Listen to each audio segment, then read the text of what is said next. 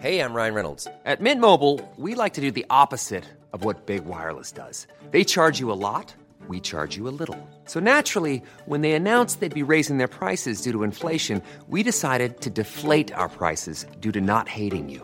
That's right. We're cutting the price of Mint Unlimited from $30 a month to just $15 a month. Give it a try at mintmobile.com slash switch. $45 upfront for three months plus taxes and fees. Promo rate for new customers for limited time. Unlimited more than 40 gigabytes per month. Slows. Full terms at mintmobile.com. Hiring for your small business? If you're not looking for professionals on LinkedIn, you're looking in the wrong place. That's like looking for your car keys in a fish tank. LinkedIn helps you hire professionals you can't find anywhere else, even those who aren't actively searching for a new job but might be open to the perfect role. In a given month, over 70% of LinkedIn users don't even visit other leading job sites. So start looking in the right place. With LinkedIn, you can hire professionals like a professional. Post your free job on linkedin.com slash people today. Everyone knows therapy is great for solving problems, but getting therapy has its own problems too, like finding the right therapist, fitting into their schedule, and of course, the cost. Well, BetterHelp can solve those problems. It's totally online and built around your schedule. It's surprisingly affordable too. Connect with a credentialed therapist by phone, video, or online chat, all from the comfort of your home. Visit betterhelp.com to learn more and save 10% on your first month. That's BetterHelp H E L P.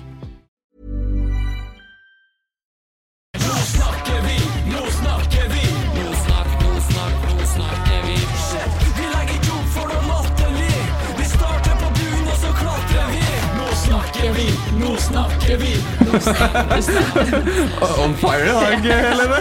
Begynner å få den litt inn i blodet. Ja, ja. Begynner å like sangene.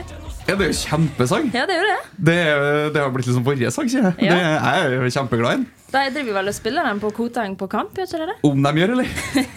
Og det, det er det første Nå snakker vi-effekten allerede der, ikke Og det er kanskje du som styrer spillelista også, ikke det det? Jeg kan ha en liten finger i spillet, så kan jeg komme inn der. Men altså, nå snakker vi effekten virkelig. For når vi sitter her og prater i dag, så er Rosenborg ligaleder i toppserien. Åh, er det noen overraskelse? Er det kanskje ikke det? Det er ikke det. Bortsett fra å se Vålerenga LSK det siste, hva har du holdt på med? Jeg har vært en liten tur borte. Jeg trengte en liten eh, timeout, så jeg eh, tok meg en liten tur. Jeg kom tilbake med ny giv, smil om munnen og godt humør. Det er veldig bra. Så nå er vi i gang igjen. glisa siden, eh, siden jeg møtte deg Alt er bra med deg? Alt er bra med meg. Så Hvordan bra. er det med deg? Eh, det går eh, bra med meg også. Det er litt mye som skjer for tida, men det er jo stort sett bare gøy. Ja, det jeg tenkt faktisk at jeg skulle tatt opp med deg. Fordi vi snakker jo mye om Rosenborg, og nå snakker vi effekten. Ja. Men den er jo søren meg gått litt over på deg òg. Ja, den har kanskje. Eh, For noen episoder siden så snakka jeg om at jeg holdt på å solge leiligheten. Yes. Det har jeg klart å kvitte meg med. Uhu. Og så har jeg klart å cashe ut fryktelig mye penger og kjøpe meg et altfor stort hus. Ja, det er denne podkasten som, eh, som mater deg med penger, ikke det? Eh, Jo, jo. Re rene podkastinntekter som, har, som finansierer sinnssykt dyre hus jeg har kjøpt. Ja. Men det er gøy. Og hvorfor har du kjøpt deg hus? Eh, Jeg har kjøpt meg hus fordi at i januar så blir vi en familie på tre. Wow! Så da kommer det en liten eh, unge til verden, og det blir stas. Åh, Det blir sjukt kjekt. Jeg gleder meg veldig. Ja, Og så har jo du kjøpt et hus med en hybel, ja det er riktig. så jeg skal jo flytte inn der. Så det blir jo veldig kjekt. Ja, Det er mange gode ting som skjer framover nå. ja Det blir blodpris på den utleiedelen. Liksom. Nei, det skulle være gratis. du. Skulle være gratis. Ja. Jeg tror ikke jeg sa det skulle være gratis. Men det er i hvert fall veldig kjekt at du skal bli det, da. Ja, ja det gleder jeg meg til. Uh, så vet jeg ikke helt hva jeg går til, men jeg tror det blir bra. Uh, så det blir, det blir spennende. Ja, det blir, Det det blir blir garantert bra. Det blir det. Så skal jeg bare få pussa opp uh, hus ferdig først. Eh, Ja. for jeg kjenner det begynner å haste litt. Hvis vi blir tre i januar, så føler jeg det begynner å bli travelt. Men uh. Da kommer jeg inn i hybelen, vet du, så kan jeg hjelpe til. ja, ok. ja, greit. Uh, nei, men det blir bra. Ja. Uh, da er det i hvert fall bare bra med oss to. han. Ja. Skal vi da ta introen på den tredje personen i studio? Jeg har nå selvfølgelig laga en liten introduksjon, da. Ja. Skal vi se om jeg klarer å, å snakke den høyt. Eller fortelle den høyt. Hun er født 16. september i 2000. Altså 16. september, det er om to dager. Så du har bursdag om to dager. Det blir gøy. Hun har spilt i Rosenborg siden 2020, og har nylig forlenga kontrakten til 2025. Hun står med 83 kamper i toppserien. 59 av dem for Klepp og 24 av dem for Rosenborg. Hun har tre NM-titler. Én for jente 16 og to for jente 19. Tre? Tre for jente 19. Unnskyld. Tre for jenter 19. Hun har landskamper for aldersbestemte landslag og ni mål til sammen. I toppserien har hun også ni mål. Når man ser henne ut på banen, skulle man ikke tro at hun har vært gjennom to korsbåndskader. Mange kjenner henne som en av profilene i NRK-serien Kampen. Andre kjenner henne kanskje som en av to i det hotte Rosenborg-paret. Vi kjenner henne som den nydelige dama fra Sola. Spiller nummer 16! Mathilde Rogde! Hei! Hei. Var det eh, riktig intro? Det var en liten sånn justering underveis der. Eh, ja, på den NM Jeg er ganske sikker på at det er tre. Oh. Men må kanskje dobbeltsjekke det etterpå. Nei, det, det er faktisk Kristian sin feil. Det Ja, må jeg bare si. jeg må ta litt til meg, for vi satt og snakka før, før vi begynte opptaket. Eh, jeg hadde bare telt tre totalt, men det, du er helt sikkert fire hvis du Ja, um, jeg er ganske sikker på det. Ja, ja. Ja, men da kjører vi på med det. Herregud, vi står jo på fire. Ja. Hvis du sier at du er fire, så Ja, har du Legger fire. heller på en enn lite. Nei, men tusen takk. Det var hyggelig. Ja, Vær så En- god. Mm. En av stjernene i NRK-serien Kampen. Ja, jeg vet ikke hvor stjerner, men det var i hvert fall en av de som ble, ble fulgt um, litt mer da, enn de andre. Så det var en kul opplevelse, det. Hvordan var det på en måte å bli, bli fulgt så, så tett gjennom en TV-serie og se seg sjøl på TV? Ja, det var jo ganske uvant, fordi det er jo rart når man skal se seg selv sånn utenifra. Høre sin egen stemme og se seg selv sånn som man ikke pleier, men som alle andre gjør. Um, så, men jeg syns det gikk fint, og man ble jo mer og mer vant til den filmingen. da, og så når serien òg, når man hadde sett litt, så ble det mer og mer OK. Sitter og ser den fortsatt? Nei, ikke i det hele tatt. Jeg bare, jeg gjort det. Du, nei, du hører ikke på din egen podkast engang. Nei, det er sant. Jeg ble altfor sjølbevisst. Nei, det, det er sant, det. er en veldig fin TV-serie. Det ble jo veldig bra. Ja, det ble kjempebra. Så ja, de er veldig flinke. Så ja, det var veldig, veldig kult. Det er bra. Uh, vi skal gå løs på en hel drøss med fotballkamper som har blitt spilt siden sist. Ja, det er gøy. Så skal vi bare komme oss gjennom alle matchene, så må vi bare begynne, Eh, Den første matchen som ble spilt Jeg tror vi oppfordra ganske hardt til å bli med Trollungene i Oslo på den kampen også, i, i forrige episode. Eh, Vi spilte en helt tullete Det var kvartfinale?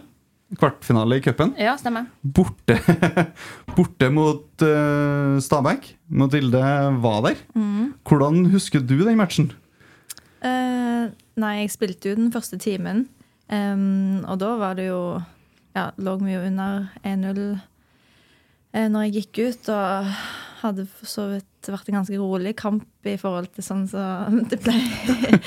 det ble fra Ja, vi skårte vel eh, på overtid der eh, ett minutt før, før slutt. Så da var det en helt vill kamp å være vitne til, altså. Det var nervepirrende. Ja, det var frykt. Jeg så du kikka på TV-en. Ja, det var helt forferdelig å se på. Eller det var gøy, men det var så forferdelig med Rosenborg-øyne, da. Men det var, det var skikkelig artig fotballkamp for de som ikke er så glad i noen av lagene. Ja, det tror jeg. Jeg tror det var en underholdende Ja. match.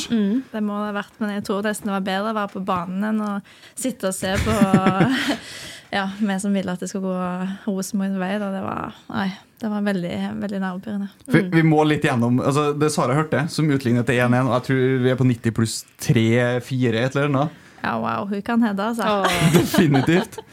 Eh, og så er det noen ekstraomganger som bare virkelig tar fart. Eh, Rosenborg skårer to mål og tenker jeg at det her har vi egentlig litt kontroll på.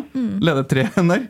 Hvordan, hvordan opplever du på en måte benken underveis i Nei, Når vi får det 3-1, så blir det jo okay, litt, sånn, litt lettere stemning. Men vi vet jo at det er fotball, og alt kan skje. Og når de skårer det 3-2-målet, da, så var det mange som ikke klarte å se på, nesten. Så nei, det var nære på, det. Så kommer 3-3 også. Ja, da var det i hvert fall Nei, da var det ikke akkurat den beste stemningen når vi følte at ja, nå har vi det. på en måte. Um, Men heldigvis da så var det jo ikke mange minuttene før vi slo til igjen. Så da gikk det heldigvis veien til slutt. Camilla Lindberg kommer inn og skårer sitt første Rosenborg-mål. vel? For en måte å gjøre det på. Det Der tror vi på overtid og ekstraomganger nå, eller? Det kan stemme. Jeg tror det var overtid. Altså både første målet og det siste målet.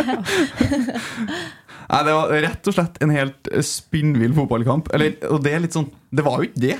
For det var jo ikke så gøy fram til 90 pluss 5, egentlig. Fram til da så er det en sånn helt vanlig fotballkamp. Stabæk leder og Og det er jo litt typisk da, når, når du skal begynne å spille ekstraomganger. Folk begynner å bli slitne, og det er første kamp etter en eh, ganske så lang ferie. Så det å plutselig skulle stå med 120 minutter i beina, det er ganske tungt. Og da blir det feil på feil eh, eh, på begge lag. Og så ble det gjort ganske mange bytter, og da kan ting forandre seg fort. Så det, det er jo det som er så kult med fotball. da. Ja, det er det. det er fotballen, du vet aldri. Alt kan skje. Så det viser jo bare det. Vi, må, vi, vi skryter dem igjen, vi. For Trollungene i Oslo var på den kampen. Oh. Det var, det, for det var ikke så mye folk på tribunen. Men det var tre-fire stykker fra Trollungene i Oslo her. Jeg syns det er helt nydelig. vært jeg er så fan! ja, de er, de er helt, helt konge. Vi, vi kommer tilbake til dem etterpå her òg. Så får vi Arna-Bjørnar på besøk eh, på Koteng Arena. 4-0 og stort sett ganske grei kontroll. Gjennom den matchen. Ja, det vil jeg si. Vi fikk vel Husker ikke hvor tidlig vi skårte, da, men det var vel s først eh, Var det på corner vi skårte? Eller var det Staffen? Nei, nå Eh, Det står vel Sara hørte på det første Ja, målet. det. Det først- høres ut som en dødball. Ja, det var først dødball, ja, stemmer. Og så fikk vi jo straffe. Um, så det var godt å få både 1 og 2-0 relativt tidlig, da. Uh, for ja, mål preger jo absolutt kamper. Så, ja, så ble det vel to mål ganske seint i kampen òg, og det er jo fint. får- ja, vi trenger mål òg, hvis det plutselig står på en, eh, en målforskjell.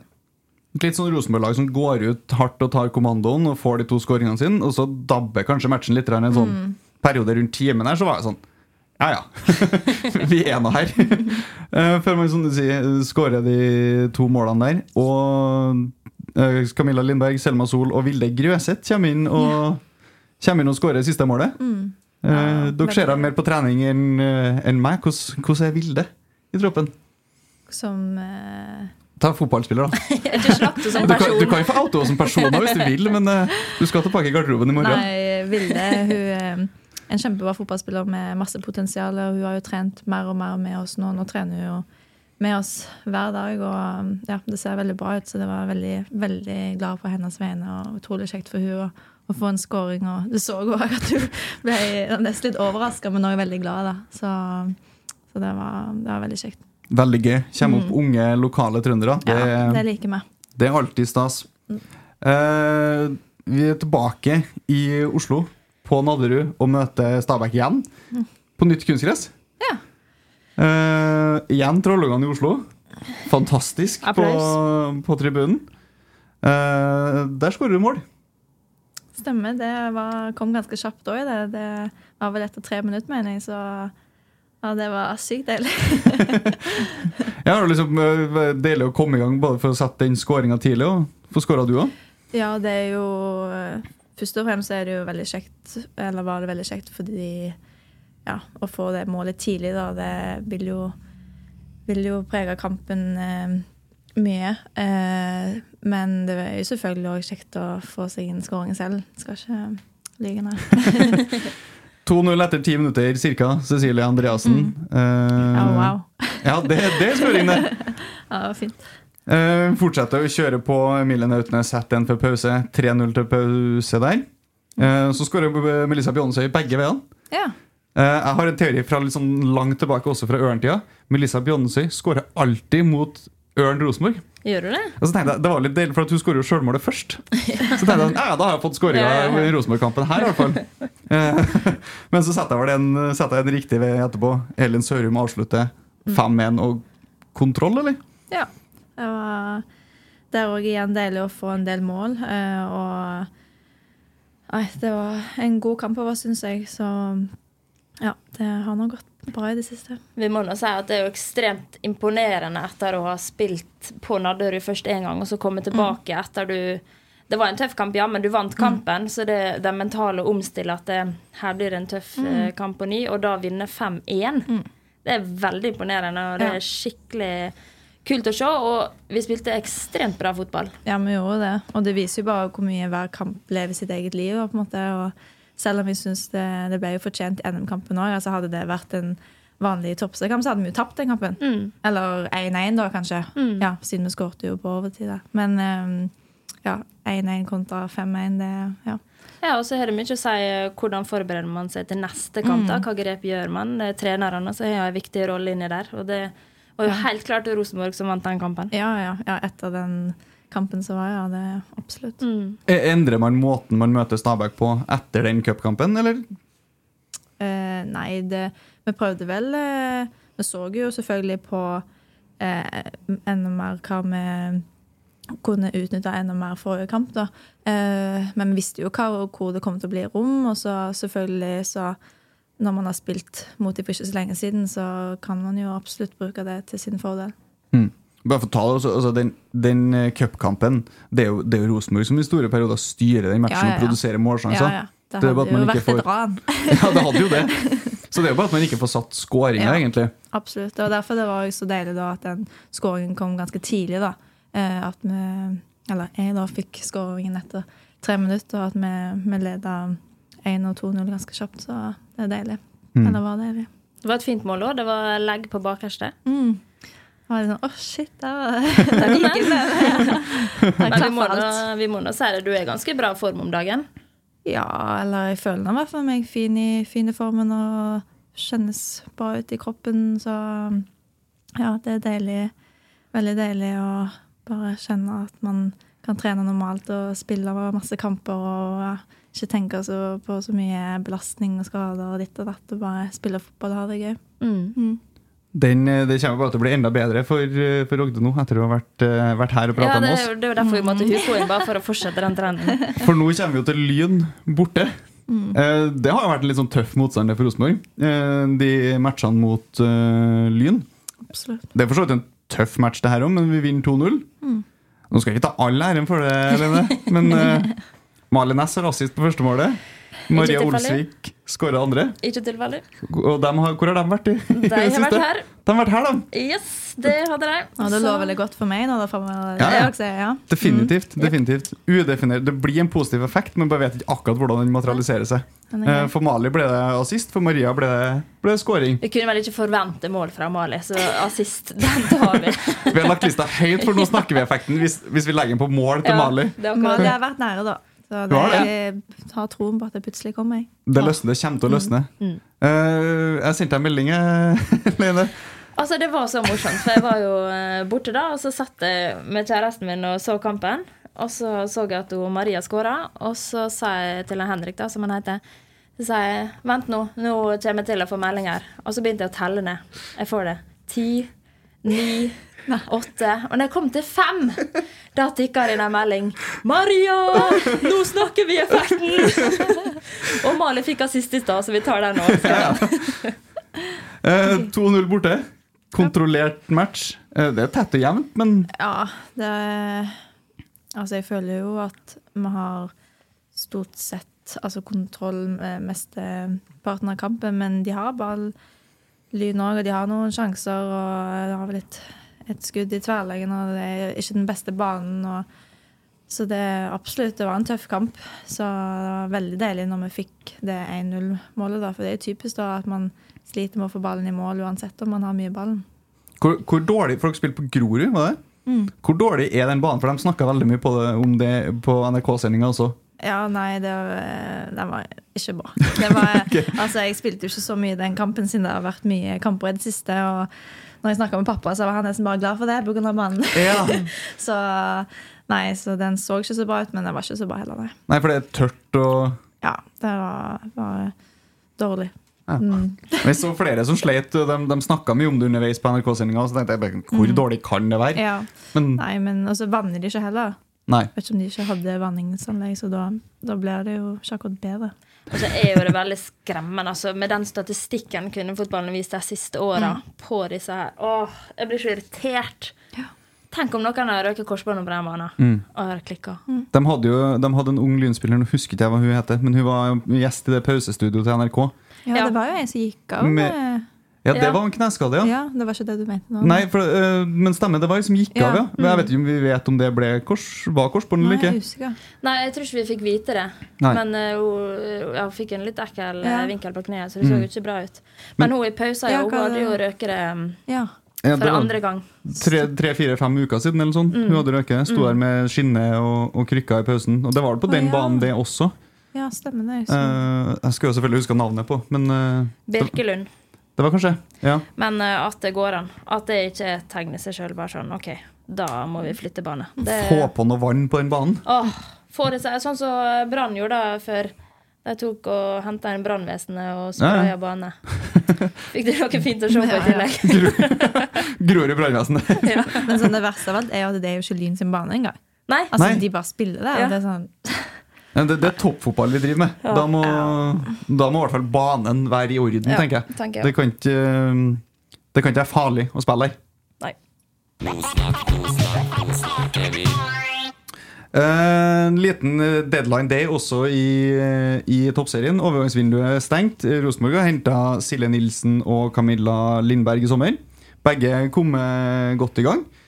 Uh, Ina Vårhus dro til LSK eh, siste dag av overgangsvinduet, hvis jeg husker riktig. Og det materialiserte seg jo for Rosenborg i går. Ingenting er tilfeldig. Det var selvfølgelig veldig planlagt. Ina kom inn de siste to-tre minuttene, tror jeg, det var en skade eller noe sånt der. Og er med og tar poeng fra Vålerenga.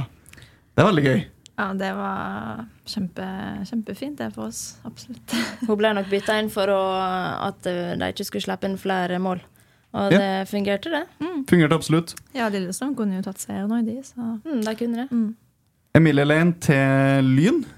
Det er å få Jeg regner med for å få mer spilletid. Begge to. Ingen av dem har spilt veldig masse for Rosenborg. Eh, fine klubber å gå til.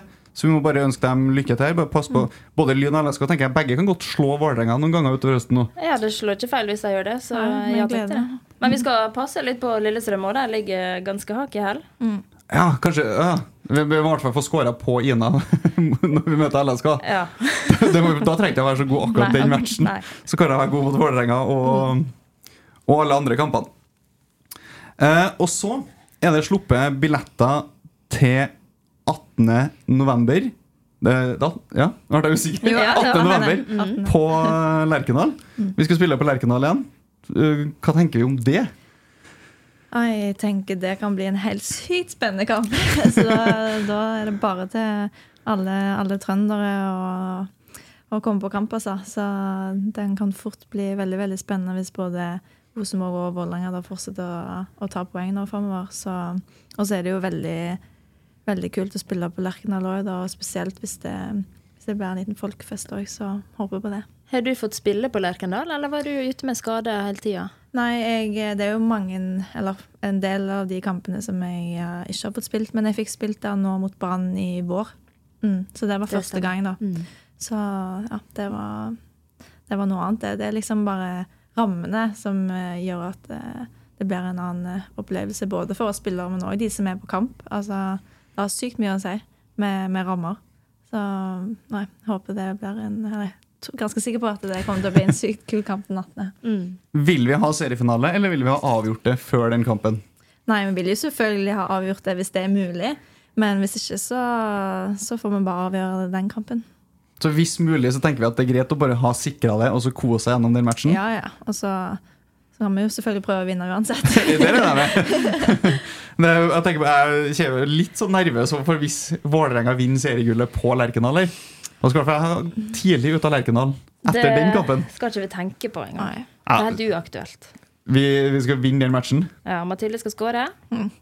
Da må jeg komme hit først, da. Ja, men nå er Du så det skal liksom Det går videre. Det er ikke Så det kan være at det er helt eh, Det er den kampen jeg kommer til å skåre. Mm, Det er langvarig. Kanskje vi skulle hatt hele, liksom, hele stallen inn her dagen før Lerkendal-matchen. Bare få kjenne på Enten eller så må vi ta podkasten inn i garderoben eller sånn, bare for å liksom ose av Nå snakker vi-effekten før, før Vålerenga. Ja, det er store ideer du kommer inn Få se gjennomføringskrafta di.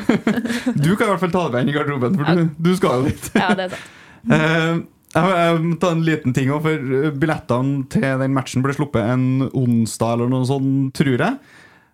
Jeg skal være helt ærlig, For meg så drukna det lite grann i at Rosenborg Herrer signerte en ny drakt nummer ti, Ole Selnes. Eh, jeg synes, jeg må, jeg må bare ta det bare sånn at ingen blir sint med nå. Jeg syns det er dødskult at Ole Selnes er tilbake i Rosenborg. Ja, Virkelig.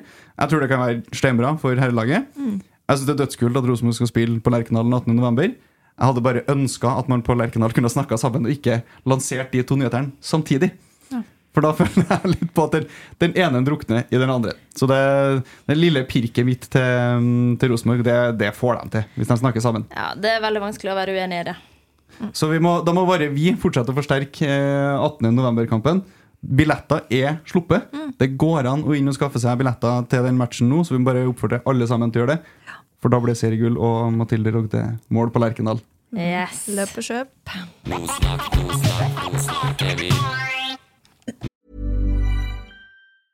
Hey, folks, I'm Mark Marin from the WTF Podcast, and this episode is brought to you by Kleenex Ultra Soft Tissues, your ally to help tackle your allergy symptoms this season. I love the change of seasons, but nobody loves pollen and all those other things floating in the air that make you sneeze during this nice weather. Kleenex Ultra Soft Tissues are hypoallergenic and allergist approved, so fight back against watery eyes and runny noses without worrying about irritating your skin. For this allergy season, grab Kleenex and face allergies head on. Hiring for your small business? If you're not looking for professionals on LinkedIn, you're looking in the wrong place. That's like looking for your car keys in a fish tank. LinkedIn helps you hire professionals you can't find anywhere else, even those who aren't actively searching for a new job but might be open to the perfect role. In a given month, over 70% of LinkedIn users don't even visit other leading job sites. So start looking in the right place. With LinkedIn, you can hire professionals like a professional. Post your free job on linkedin.com/people slash people today. Burrow is a furniture company known for timeless design and thoughtful construction and free shipping, and that extends to their outdoor collection. Their outdoor furniture is built to withstand the elements, featuring rust-proof stainless steel hardware, weather-ready teak, and quick-dry foam cushions. For Memorial Day, get 15% off your Burrow purchase at burrow.com slash ACAST and up to 25% off outdoor. That's up to 25% off outdoor furniture at burrow.com slash ACAST.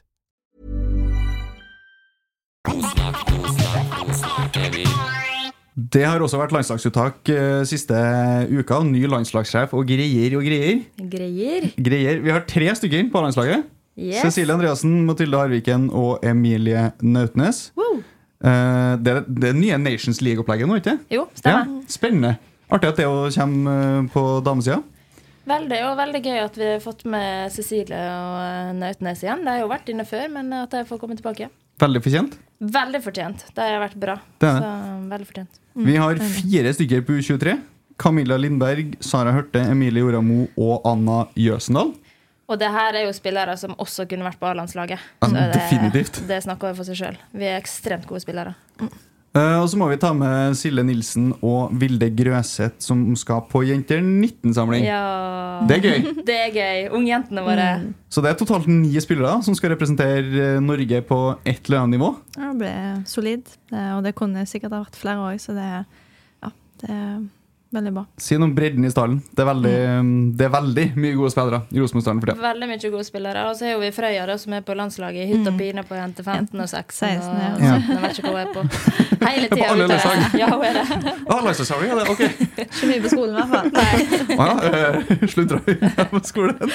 Nei, hun har vel ikke så mye valg. Det er vel, eh, Ja, det er hun har vel mye eh, jobber på egen hånd, så hun drar vel når hun kan, håper jeg. Ja. hun gjør det. Eh, Men vi må jo bli enda bedre kjent med deg. Eh, Vi må bli kjent med karrieren din. Vil du, kan du begynne litt sånn fra begynnelsen? Når begynte du å spille fotball? Um, ja, jeg begynte jo i Sola um, når jeg gikk i første klasse. Det er vel fem-seks år. Uh, så har jeg spilt fotball siden det. Uh, og alltid, altså fra dag én, eller så lenge jeg kan huske, da, vært uh, veldig, veldig glad i fotball. Og kommer fra en fotballfamilie, og mamma og pappa spiller fotball, og familie som er glad i fotball. og nå er det mye fotball her, men jeg er glad i fotball. Var det liksom sånn tidlig kalle barnestjerne, barnetalent? Eh, jeg vil si at jeg var et talent, ja. Um, og eh, ville ha ballen mye og, og spilte på eh, Vi var et ganske godt lag òg, Sola. Em, og spilte, spilte der til jeg var vel 14 år. Uh, så, så ja, det kan vel si det. Bare fotball? Mm. Var det bare fotball? Eller drev du med flere ja, ting? Jeg, det var for det meste bare fotball, ja. Eh, men jeg begynte et par Eller var det i syvende, åttende der jeg begynte på håndball. Um, og det var gøy. Og uh, ja, veldig gøy. Men det var fotball som var det viktigste, og jeg spilte håndball et par år, og så ga jeg meg der òg fordi det ble litt mye å gå for, liksom. Ja, både fotball og håndball. og så da bestemte jeg meg, da. Det var egentlig aldri et eh, alternativ å gå med håndballen, da, men eh, det var gøy, det òg. Fra Sola så drar du til Fors og Gausel. Ja. Ja, Hva? Derfor valgte du Klepp. Ja. Nei, nei, jeg, bare, husker at det var et lag imellom. Jeg, jeg klarte ikke å komme på Du sa jo det med NM etter 16, Ja. for det vant jeg der. Ja. Så det var jo, da var jeg eh, 14, tror jeg. Ja. Du ser på meg, men jeg har ikke Jeg tror det var i 2014 da, at jeg vant eh, 2015-14, 14, tror jeg. Um, og da spilte jeg jo med Jenta 16, så jeg gikk til et veldig godt Jenta 16-lag. Et av de det var Viking Jenta 16 og Forus Gausøl, eller FGI Jenta 16, som var de beste da i, i området. Og da var det på tide for meg da, å ta, ta steget videre eh, fra Sola. De hadde ikke så bra sånn, damelag, det var litt sånn oppløsning der. Um, så da gikk jeg til, bytta jeg til Forus Gausel um, da jeg var 14 og spilte med altså de to eldre, da. Så da har du Ja. egentlig Mm. spilt mest med jentefotball? Ja. Ja. Mm. Ikke så mye med gutter? Nei, nå. ikke sånn fast. Nei. det stemmer. Og så gikk du til Klepp, da? Ja, så var jeg to år i Forus Gausel. Spilte først med jenter 16, og så gikk de opp til damelaget. Og da fulgte jeg jo de. Um, og så bytta jeg, eller fikk jeg kontrakt med Klepp i 2016. Så da stemmer det vel at det var 2014, eller, for jeg var der i to, to sesonger. Klepp var jo et bra lag på den tida. Ja, ja. Eh, Det har skjedd mye der. ja. Eh, hvordan var det å komme inn i Klepp? For da, da snakker vi jo toppfotball, og du er fortsatt veldig ung når du drar til Klepp. Ja, jeg var jo 15 år, full i september, så jeg var jo ung. Eh, og husker at det var veldig stas. Og så, ja, men plutselig, da, når man har vært der noen uker og måneder, så, så blir det ja, en, eh, et hjem, det òg. Og de tok meg veldig godt imot og fikk, fikk mange gode venninner som jeg ennå har masse kontakt med. Så ja, trivdes veldig godt der. Litt kjapp sånn name-dropping på dem du spilte sammen med på, eh, på det Klepp-laget. Eh, av eh, ja Hvis du lurer, så, du, så kan han Christian hjelpe deg på det. For han har full kontroll på det det. det. ikke men Tuva Hansen, Elisabeth Terland, Martine Østenstad, Maria Him. Hun har jo måttet lagt opp nå da pga. en skade, så det Ja, dessverre. Um, og Susanne Visnes og Gry? Grytofte Ims, Marie Hella, som spiller i Arnebjørn og Lena Soling Hansen, i, som nå er i Stabekk, og en del yngre spillere i ja, Kaja Karlsson etter Jensen i Åsen. Ja, det er mange. men det, det var et fryktelig bra Mille lag. i Brann. Ja, det var masse gode spillere. Hege Hansen og Tuva, ja, hun sa jeg vel. Um, så mange, mange gode spillere, ja. Bra trener hadde dere òg. Det hadde òg. Ole Harder. Ja. Ja. Uh, og der drar du inn et par eh, Inter 19 hva Ble vi gjennom tre Inter 19 cupgull? Ja. Ja. Mm. Vi hadde jo han eh, første uh, Første gang jeg vant Jenter 19, det var jo med Tuva Hansen og Marie Him og den gjengen der. Og da var det Jon, Jon Pall Palmason, så var Olje Harder assistenttrener, da. Eh, og da var de òg med og leda det Jenter 19-laget. Og så steppa jo etter hvert og Olli Harda opp som hovedtrener, da. Mm. Og så på et eller annet tidspunkt her så, så får du høre om Rosenborg. Ja. Hvordan eh, kom, eh, hvordan kom, det i stand? Hva kjente du på når du fikk muligheten? Eh, nei, det var vel i slutten av sesongen 2020 20, 20? Eller 20? Det sto at du kom i 2020. Ja. Ble du kontakta i 2019, da? Eller? Ja. ja som var det. Jo, slutten av 2019 ble det, da. Mm. Um, og eh, ja, var på utgående kontakt der. Og så var jo Rosenborg et Så hadde jeg lyst til å ta steget videre igjen, da. Og følte at det var på tide, og det var òg flere som gjorde det i Klepp. Og det var liksom generasjonsskifte der, og det var ikke bare jeg som bytta klubb eh, da heller. Da gikk jo Tuva Hansen og Elisabeth Herland og altså, til Brann videre. Eh, og så ja, valgte jeg Rosenborg fordi jeg følte at de passa meg best, og at eh, det virka som en veldig kjekk utfordring, men òg en veldig fin klubb og et eh, veldig bra prosjekt. Og ja, da hadde det jo akkurat blitt Rosenborg det året, eh, mener jeg. Så ja, veldig glad for det den dag i dag, da. Du har til og med forlenga kontrakten din Ja. eh, med, med Rosenborg. Hvordan var det å flytte til Trondheim, kom til Rosenborg, kom inn i, i gjengen på Lade? Det var veldig fint. Det var jo korona når jeg kom, eh, så det var jo fortsatt eh, litt spesielt med med at man ikke kunne være med så mye folk. Og, ja, Dere husker jo hvordan den tiden der var, så det var jo selvfølgelig litt, litt spesielt å flytte gang, altså hjemmefra da, for første gang i en sånn, eh, sånn periode.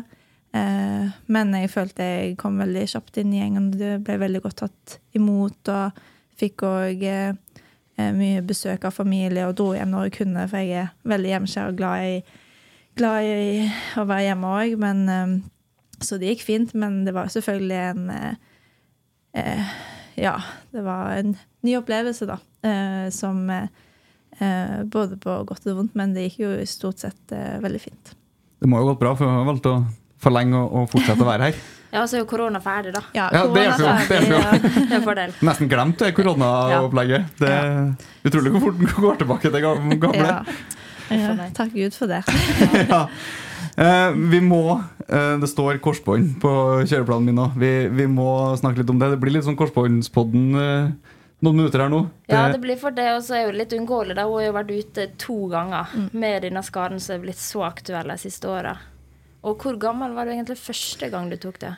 Eh, da, var, da opererte jeg i 2017. Våren 2017. Så da var jeg 16 15, da. Cirka. Um, og så, så jeg var ganske ung. Og da hadde du egentlig akkurat kommet til Klepp, stemmer det? Ja, hadde vel vært der i ja, et godt år, da. Mm. Så, så husker husker det jo veldig godt. Det er sånne ting man eh, Ja, noen ting husker man jo veldig godt, og de er en av, de det er Vil du de fortelle hva som skjedde? Ja, det var um, på en fotballtrening. Eh, Jeg husker det var helt i slutten. Jeg husker òg at han Olli Harder, da, som vi snakker om, han eh, sto oppe på tribunen og så jo da vi spilte storbanespill, og det var en tøff trening, liksom Du tåler ned Eh, um, og ropte 'last 30 seconds'. Jeg bare ah, kjører på siste. og så var det en um, løpsduell da, der jeg var i angrep og løp med ball mot mål. Um, så var jeg i en løpsduell, og så i full fart, uh, så må jeg vel ha landa et, altså, Tatt et skritt med eh, strak fot. Uh, at ja, jeg har fått for mye strekk i full speed framover med ball og med litt ubalanse og veldig sliten. Og, så da gikk jeg rett i bakken og rulla rundt og hylte. Så det var vondt, og visste at eh, her er det noe veldig galt. Så det var liksom ikke en skikkelig tøff duell, det var på en måte i steget som Ja. for kneet ditt bakover. Ja, jeg vet ikke helt akkurat hvordan det men det var i en løpsduell rett fram med ball. Med, altså med en løpsduell. Så det var jo noen ved siden av meg, da, så jeg løp jo ikke alene. Em, men det var ikke i en takling. Det var Nei. det. Nei. Og da kjente du at her skjedde det noe? Ja, da For jeg var jo så full fart òg, så jeg trynte jo skikkelig, sant. Og så alle begynte jo å hyleskrike, og jeg husker bare alle kom rundt meg, og Elisabeth og Hege husker liksom sto og holdt meg i hånda, og liksom ja, du, du husker de tingene veldig godt. Og så var det jo Jeg klarte jo ikke å gå eller noen ting, så det var en av de gangene der man veldig vet at her det noe. Ja. Jeg ble båret av banen, og var vel eh, Maria Him og Maria Toresdottir òg, som jeg ikke Ja, nevnte i stad. Ja. um, var jo der det Det var jo rett før hun dro, så jeg var jo, spilte ikke så lenge med hun i hvert fall ikke Ja, jeg ble jo skada òg, og så dro hun etter hvert. Eh, men eh, de tok meg til legevakten der på Klepp, og så ble jeg uh, Fikk vel en ambulanse, men jeg tror bare jeg kjørte selv til sykehuset, da. Mm. Uh, og så, ja. Og da var det det korsbåndet, og, eller var det mer? Eh, Korsbånd og menisk Ja. på både innside og utside. Og da fikk du operasjonen ganske kjapt etterpå, eller måtte du vente en stund? Jeg venta vel det var vel tre-fire uker, Ja. sånn som er normalt. At hevelsen skal gå ned og prøve å få mest mulig styrke eh, før eh, operasjonen òg. Selv om man mister jo veldig mye uansett. Eh, men det gikk vel en tre-fire uker, ja. Hvor lenge var du ute på denne første skaden, da? Eh, det gikk et år eh, ganske presist eh, fra jeg opererte til jeg spilte Jeg starta vel med et kvarter kamp, da. Mm. Eh, så da hadde jeg jo vært i full trening i seks uker før jeg fikk lov til å spille 15 kamp, og det er veldig sånn 15 minutter, og så øker man én kamp i uka, så det tar jo lang tid òg før man kommer opp til at man kan spille en full kamp. Så det var kanskje ja, ikke før mot sommeren, et par måneder etterpå, at jeg spilte 90. Da husker jeg jeg fikk krampe i leggene. men, eh, men ja, så det var et år da fra jeg opererte til jeg spilte min første kampminutt igjen. Og så kommer du deg tilbake. Kommer det i ganske god form igjen. Mm. Får tilbud fra Rosenborg. Spiller ganske bra for Rosenborg. Og så skjer det på nytt. Det var jo Ja, var det fire år etterpå det, da? Ja. Det vanskelig. Jo, men det kan stemme, det. Ja.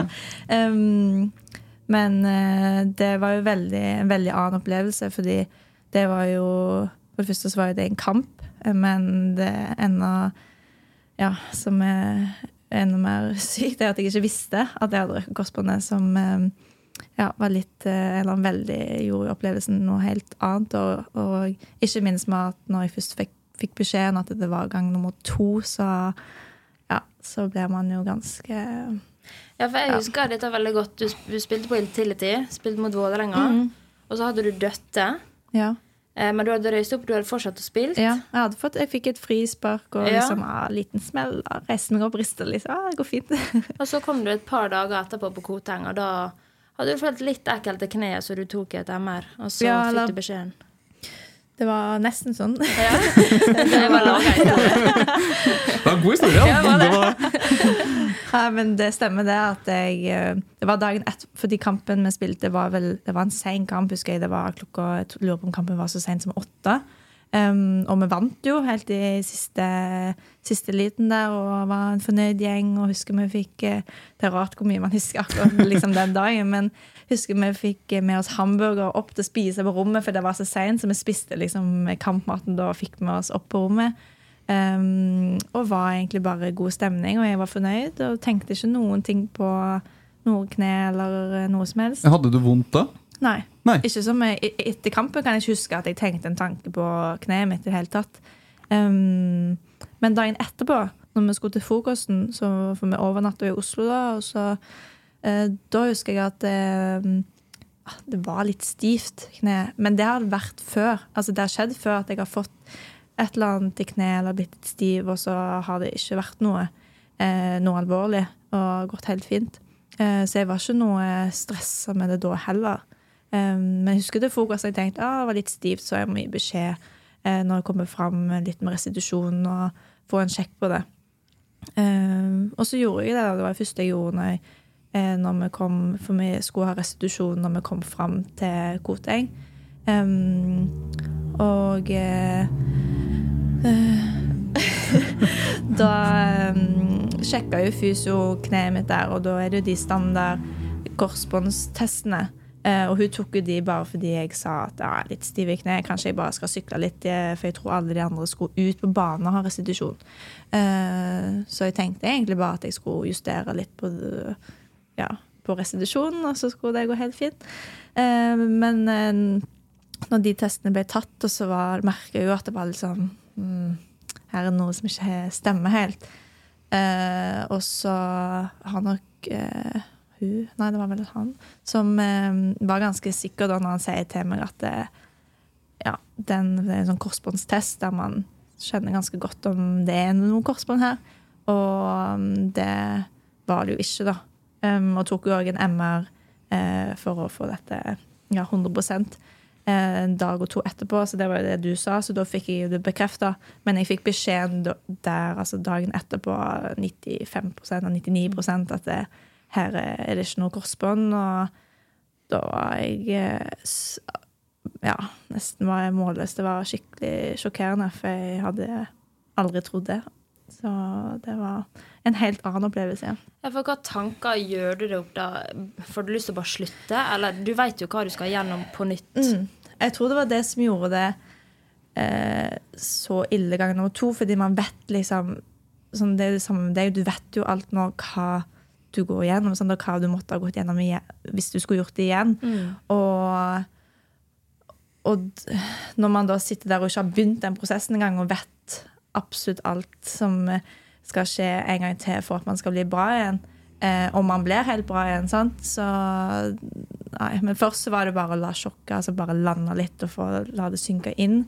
Um, og, og husker jo at jeg gikk jo ut til folk med en gang og eh, ja, Du kunne jo se på meg at det, ja, det er vanskelig å skjule noe sånn, og det var jo ikke noe å skjule heller. Um, og fikk jo en enorm støtte da fra alle på lag, og husker alle samla seg rundt meg. og eh, ja, så så det satte jeg jo veldig pris på. Men, eh, og mange som kom på døra mi, og ja, det var ja, fin gjeng. Men uh, selvfølgelig ingen som uh, kunne gjøre noe med, med det, da. Så, så, det var veldig Det var tungt. Hvordan er den prosessen, for det er jo en langvarig prosess fra mm. operasjon til man er tilbake. Uh, sånn, hvordan, hvordan, motiverer man seg underveis i den prosessen? nei, jeg synes sånn når jeg først er i gang, så har det gått greit begge gangene for min del. For da det som er litt sånn, det vet du òg, at man har jo veldig mange sånn delmål hele veien. At nå kan man gjøre det, så kan man gjøre det. Og det har vært veldig motiverende for min del.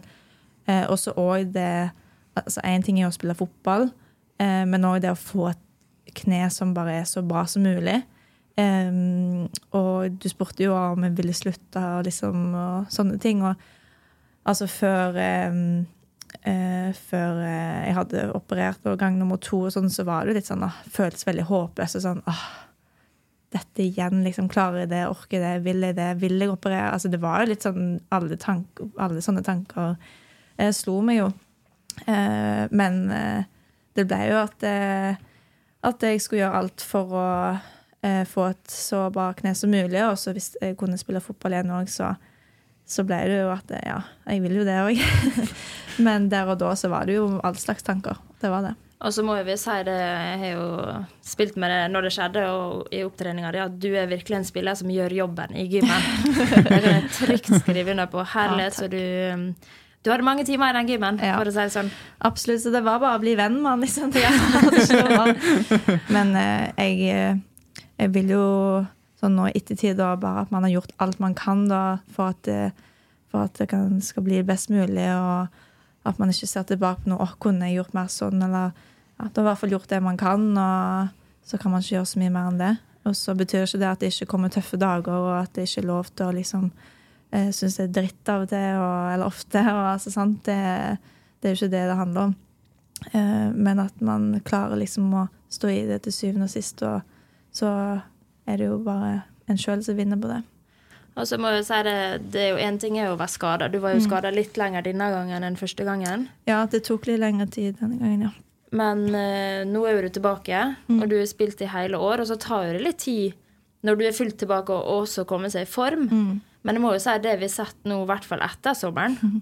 det har vært, vært, den gamle Mathilde, syns jeg. Ja, og ja, nei, jeg gleder meg skikkelig til å se mm. resten av sesongen og neste sesong, fordi det er en god spiller Rosenborg har, og vi kommer til å få flere mål og flere assist fra denne dama her. Å, det er hyggelig. Det er jo veldig deilig, da. Unnskyld. Nei. Nei ja, Å bare føle at man etter et så langt skadeavbrekk, at man er seg sjøl igjen. Da, mm. Og jeg følte jo ganske kjapt da, da i opptrening, selv om sånn som du sa, at jeg var litt lenger ute. Men det klaffa litt dårlig òg med at kampene var ferdig da og da. Så mm. det ble best sånn. Um, men å føle at man følte meg tidlig ganske sterk, og selve opptreningen gikk veldig bra begge gangene. Og det òg til ditt spørsmål om motivasjon, og sånn, så hjelper det òg når man føler at ting går bra. Og eh, så møter man på litt motstand innimellom, men at det har stort sett for min del gått veldig bra. Følt meg sterk og ja, følt meg bra. da.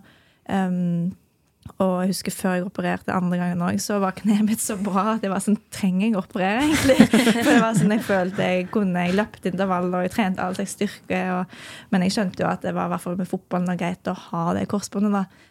Men det var litt sånn åh, Må jeg gå gjennom alt det der? Kanskje bare spille den. ja, for det er jo en rar følelse når du føler at du har ganske bra styrke mm. i kneet, du, eller i låret, for du har jo på en måte den styrken du har hatt. Mm. Og så skal du operere, og så mister du alt. Ja, ja, du mister du, alt, ja. du går inn på operasjonssalen, føler deg ganske mm. fin. Mm. Kommer ut igjen på krykke og doper ja. ned og hele liksom, pakka. Da starter du helt på null igjen. Så jeg mm. husker jeg bare, bare Du vil jo bare komme igjen i, eller i gang med operasjonen, for det starter liksom ikke før det. Mm. Uh, men jeg husker jeg tenkte det sånn åh, må jeg liksom Og da tror jeg, siden det var gang nummer to, at kneet mitt var Jeg hadde veldig lite hevelse. altså Den gikk Jeg hadde nesten ikke hevelsene. Det var derfor jeg ikke Ja, eh, det var en helt annen opplevelse, så jeg følte at ja, kneet mitt er jo helt bra. Bortsett fra et korsbånd som mangler det. Men herregud. Ja, med fotballen i hvert fall så er det jo greit å ha, så jeg fikk jo anbefalt det, og og er veldig glad for at jeg nå har jeg jo gått gjennom det, så ja, angrer ikke på det. Nei, vi er ekstremt glad til å få det tilbake, og du er jo har en del livserfaring eh, rikere. Eller at du er en del Nei, hva det blir? Jeg vet ikke. Du er rikere på livserfaring. Men jeg må jo bare si det? til deg òg, da, at eh, ja, jeg vet jo absolutt hvordan du har det, og jeg Ja, jeg eh, gleder meg veldig til du kommer tilbake, og jeg eh, syns du Du sier jeg jobber bra, men du jobber jammen bra, du òg. Ja, vi blir en liten sånn kneklubb. Ja, vi som har hatt kneskade. Har på en måte aldri skjønt det før, men nå når jeg står i det sjøl, så skjønner jeg at det båndet både Ja, ja. som de som har røket korsbåndet for, det, det er ganske fint. Gymgjengen. Gymgjengen og Det er en annen forståelse. så Mathilde kom eh, på døra mi med, med gave, så Ja. jeg husker det. Og nå, kommer, nå snakker vi effekten på toppen av det hele. Det her bare må bli bra. Eh, Vi har fått inn litt uh, lytterspørsmål også, så vi må bare ta det, ta det nå. Uh, Kent Aune, vår venn fra Rotsekk. Hei, heia! Han hører på og følger med. Han har blitt veldig god på å følge med på Rosenborg Kvinner. Ja, det det- henger jo et veldig fint bilde av han i Supermann-drakt. Ja, nå fikk vi nevnt det, og så blir det sikkert veldig fornøyd med episoden her. For, for. For å, årets beste episode. Eh, Kent lurer på hva tenker du om at alle på A-lag herre mener Adrian er det største dratetrynet, som vi kaller det? Altså mest irriterende. Forstår du dem? uh, nei, altså Jeg vet jo at Adrian er en person som liker å ha det gøy og kødde med folk, så det kan være at det, det er noe med det. Men eh, altså, jeg kan jo absolutt ha lyst til å dra, dra til går av og til, men det vil vel de fleste kjærestepar kunne si, kanskje. Men eh, nei da, han jeg er nå sammen, for jeg syns han er en fin fyr. Ikke mest for å slå på han. Eh, Emil Almås, også fra Rotsekk, eh, lurer på hvem er det største dratetrynet på Rosenborg Kvinner? Oh, Leine, nå må du hjelpe meg. Jeg er helt klar Jeg, trodde- jeg trodde du skulle si Leine. nå. Ja, hvis du har en klar vinner, så eh, Jeg skal la deg få si det først, så skal jeg Nei. kontre. Dratetryne. Hvem er, hvem er det du har lyst til å dra til? Hvem er det som irriterer deg på trening, Mathilde? Det er så mange. Alle irriterer deg. Jeg har lyst til å slå alle. Så det, Og kast Mali under bussen. Bare si Mali. det kan umulig være noen som har lyst til å slå Mali. Mali er faktisk den siste. Ja, men ikke på deg, eller? På meg? Vil du slå meg? Nei, nei, nei. Men Jeg du, kan, ja, jeg kan, eh, jeg kan melde min. Mm. Hør nøye etter. Mitt dratetryne på Rosenborg.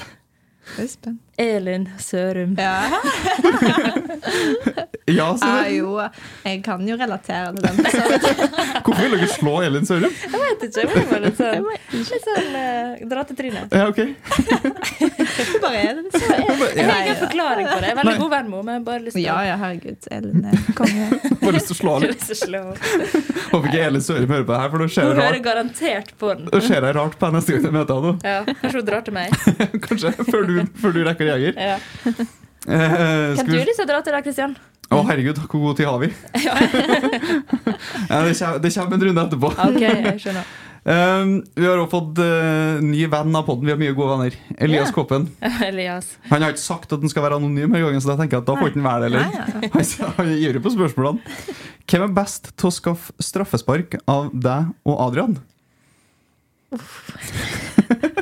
Jeg fikk nå et straffe, da, det var vel for hjemmekamp, så har han fått straffe. Nei, han har vel prøvd. Han får bare gule kort for Ja. at han Ja, han har vel fått et par eh, Det er vel det òg som folk om dra til trynet òg kan bli tatt inn i sånne Jeg er vant for sånne situasjoner òg, men han Jeg tror eh, oppriktig at han føler sjøl at han eh, Så jeg skal jo støtte han òg, da. At, Ja. eh, em, at hvis man blir tatt, så må man jo òg ja, Jeg tror ikke at han føler at han ikke blir tatt i det hele tatt.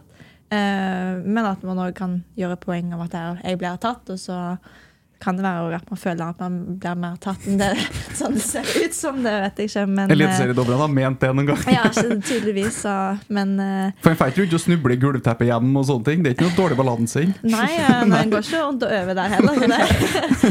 Nei, så kanskje jeg skal sette dem på meg da, enn så lenge siden jeg har fått et straffespark. Ja, det synes jeg. 1-0 til deg i straffespark.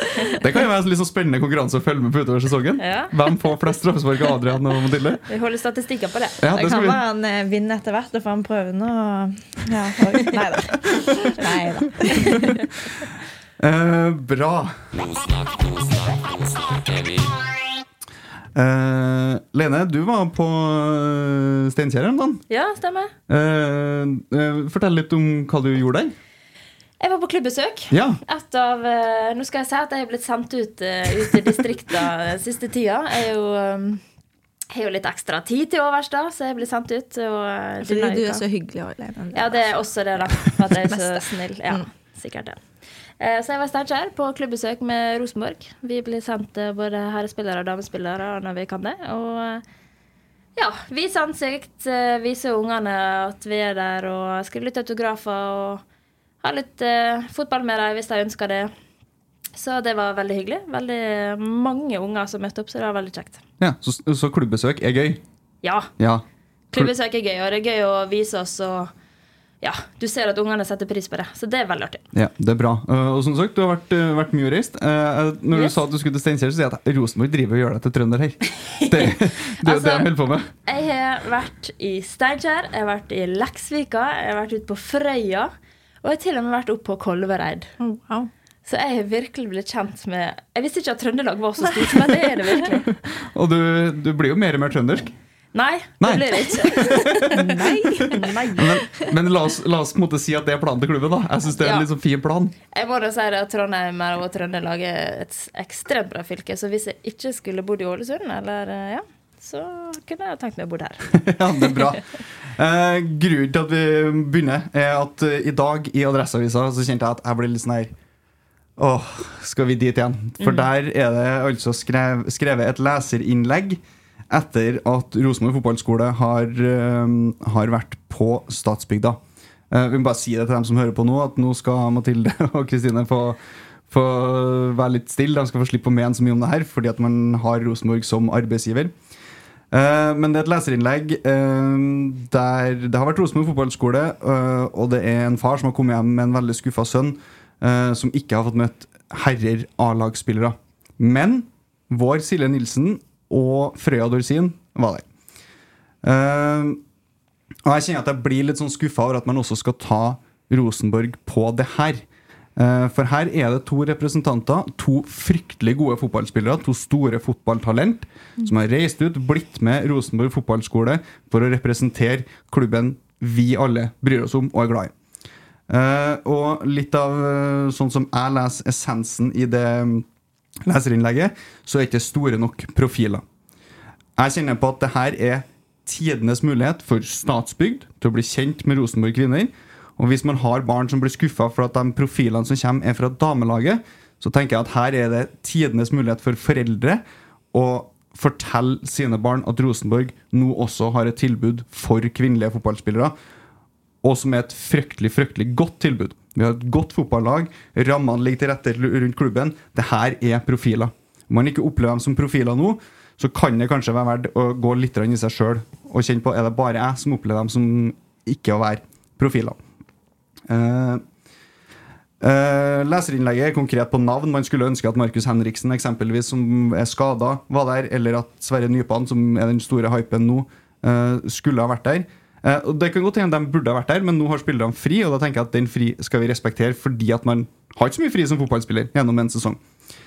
Eh, så det er to kjempegode spillere fra, fra Rosenborg der. Det er to store talent.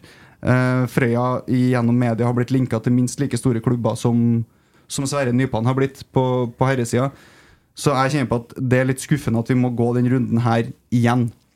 Uh, og så skal jeg òg være litt kritisk til Rosenborg ballklubb, som gjennom media i dag uh, si at de forstår skuffelsen og velger å dele ut gratisbilletter til matchen mellom Rosenborg og Bodø-Glimt nå til helga.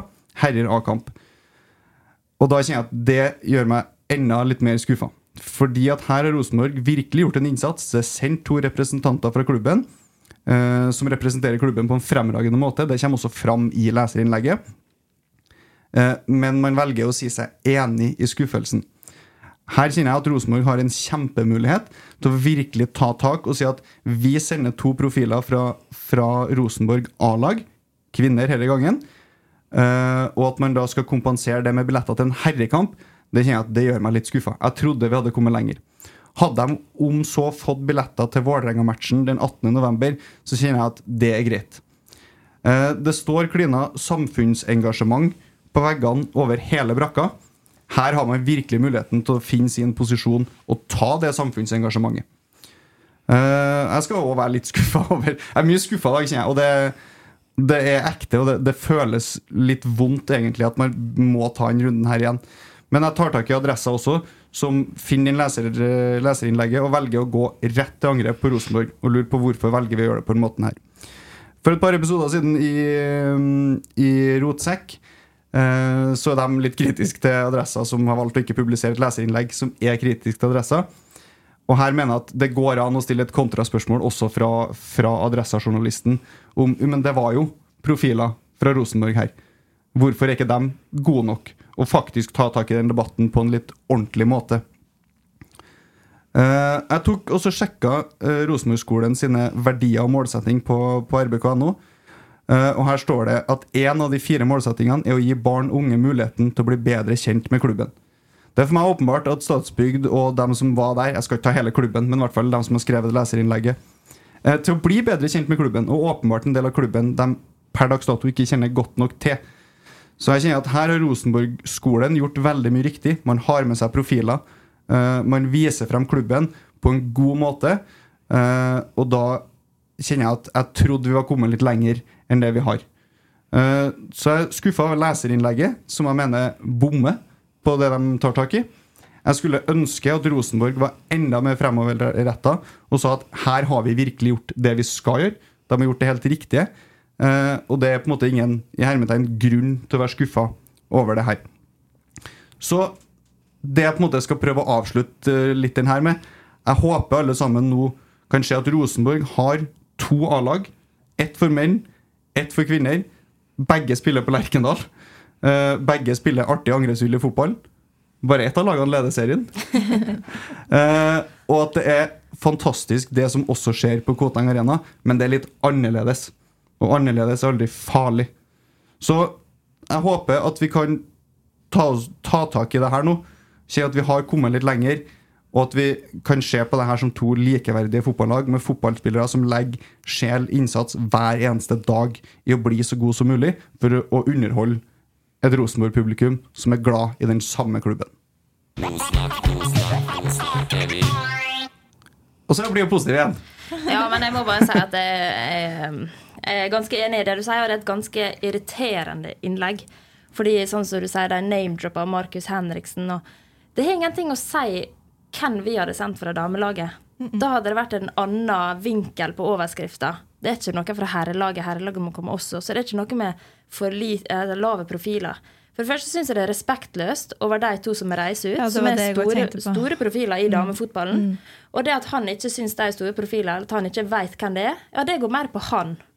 For Silje Nilsen, eksempel, hun har en stor signering Rosenborg gjort, og har ekstremt lys framtid i vente. Så akkurat det, det irriterer meg.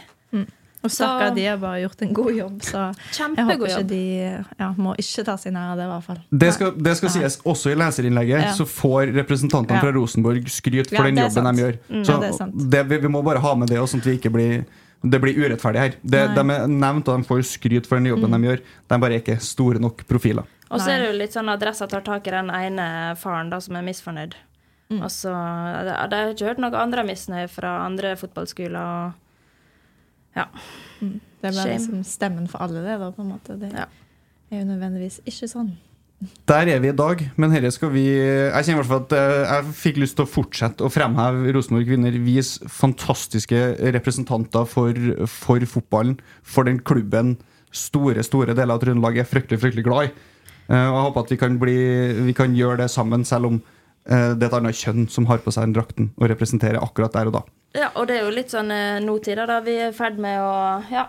Disse foreldrene kan lære ungene sine andre holdninger, og det er jo de som oppdrar dem. Så det er jo de som styrer litt eh, tankegangen deres videre. Så der kan nå gå litt inn i seg sjøl, tenker jeg. Ja, Og når de går i seg sjøl, så går de på rbk.no, og så finner de 18. Og så ser de der står det 'kjøp billetter' og blinker mot dem. Jeg tenker at vi må, vi må bare Vi må løfte sammen nå. Eh, Jeg kjenner at jeg er ferdig med å være skuffa. Den Ja. vi, Nå må vi bare Vi må bygge det opp, uh, Ja, istedenfor ja. at vi skal snakke det ned. Jeg tenker alt sånn bare med det med likestilling og kvinner og herrer. Altså, alt det man kan gjøre noe med. For det er mye som er sånn som det er, som ikke kan bli gjort noe med over natten. Men, eh, men det som eh, kan bli gjort noe med, og bare med holdninger og med altså, Det bør man forvente, eh, i det minste. Eh, så nei, helt enig i det. Bye! Inn på rbk.no, finn billetter til Rosenborg-Vålerenga. Kanskje blir det en se ren seriefinale. Altså Seriegullet kan bli avgjort den matchen. Det kommer til å bli en helt spinnvill opplevelse for, for alle som er her. Det er helt overbevist om. Det har vært kjempegøy hver eneste gang. Men først Men først Røa på lørdag. Røa på lørdag. Borte. Trollungene i Oslo, where you at? Ja, Are det, you coming? jeg regner med ja, men eh, Altså, du hører de så godt òg. Jeg føler at eh, oh, det er deilig. Ja. Det siste Vi har jo hatt en del Oslo-kamper nå. Nå blir det enda en, og det det høres jo ut som det er vi som har flest supportere på tribunen, så det som å spille hjemmekamp. Ja, Nesten. rett og slett. Mm. Eh, Røa borte er NRK-match på lørdag. Ja. Kvart på fem. Uh, begge dere skal vel nedover? Yay! Yay! Eh, tanker om matchen, Ragde? Uh, nei, jeg tenker jo at det er litt sånn eh, tøff kamp. Bort, bortekamp. Det er jo litt sånn som Lyn. Det blir vanskelig bane og van- tøft, veldig tøff motstander. Um, men absolutt alle muligheter. Og vi spilte, spilte jo bortekamp der før, siste kamp før sommerferien òg, og da, da vant vi vel bare 3-0 da, eh, tror jeg. Um, og jeg har veldig troen på at vi skal få til å ta poeng der igjen. Det blir en veldig veldig gøy kamp. Lene skal hive seg med Trollungene i Oslo. Ja, spørs det om jeg bare lærer meg noen sanger. ja, det syns jeg skal gjøre. Um, vi må oppfordre alle som er i Oslo, til å bli med Trollungene i Oslo. Det er en helt dødsrå gjeng. Det er TIFO og drakter og kjempestemning. Nå Før matchen sist så hadde de jo møttes på pub et par timer før. Det var helt nydelig. Stemning! Uh, så hiv dere med Trollungene i Oslo. Eh, Hvis noen syns det er guffent å dra på match alene, send dem en melding på Instagram. Så står de klare til å ta imot dere med åpne armer. Det er dødskule folk. Og da blir det enda artigere å være Mathilde Rogde som spiller her, som om det er på hjemmebane også. Ja, 100%. Da må alle oppfordre alle til å bli med i Oslo. Og så må de som ikke kan til Oslo, se matchen eh, på TV. Mathilde, tusen takk for at du tok eh, tida til å prate med oss. Eh, Ja. Det ble en lang episode. Ja, det ble det. Så det var veldig, veldig hyggelig å få være her. Så jeg kom igjen, jeg. Når du trenger påfyll, da. Nå snakker vi i effekten. Nei, det var, det var veldig, veldig hyggelig. Veldig hyggelig å ha besøk av deg. Det ble, det ble en omgang med ekstraomganger, som cupkampen mot Stabæk. Altså, jeg, liksom, hvis jeg skulle tippa hva podkast som hadde vært lengst av alle gjestene vi har hatt, så er det topp tre. Det er Roar Vikvang, og så er det Marked-Stian, og så er det søren meg Mathilde Rogde. Ja, det leverer der. Leverte.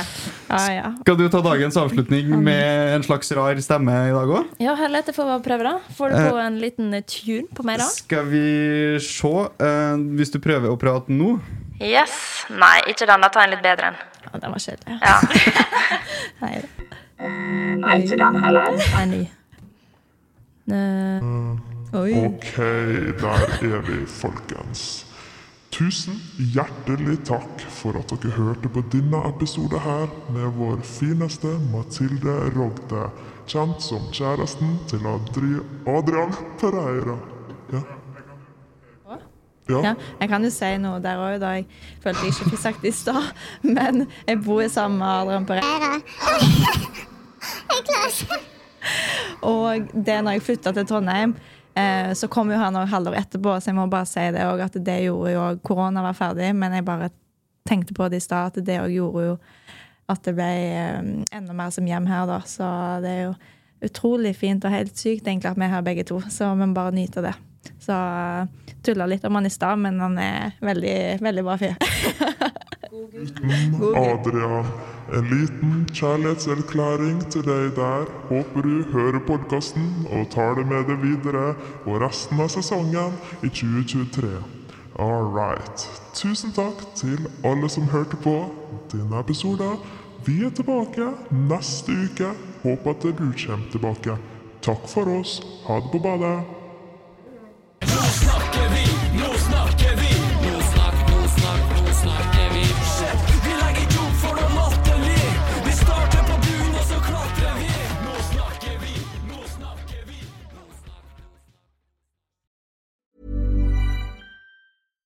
Hi, I'm Daniel, founder of Pretty Litter. Cats and cat owners deserve better than any old fashioned litter. That's why I teamed up with scientists and veterinarians to create Pretty Litter. Its innovative crystal formula has superior odor control and weighs up to 80% less than clay litter. Pretty Litter even monitors health by changing colors to help detect early signs of potential illness. It's the world's smartest kitty litter. Go to prettylitter.com and use code ACAST for 20% off your first order and a free cat toy. Terms and conditions apply. See site for details. Even when we're on a budget, we still deserve nice things. Quince is a place to scoop up stunning high-end goods for 50 to 80% less than similar brands. They have buttery soft cashmere sweaters starting at $50, luxurious Italian leather bags, and so much more. Plus, Quince only works with factories that use safe, ethical, and responsible manufacturing. Get the high-end goods you'll love without the high price tag with Quince. Go to quince.com slash style for free shipping and 365 day returns.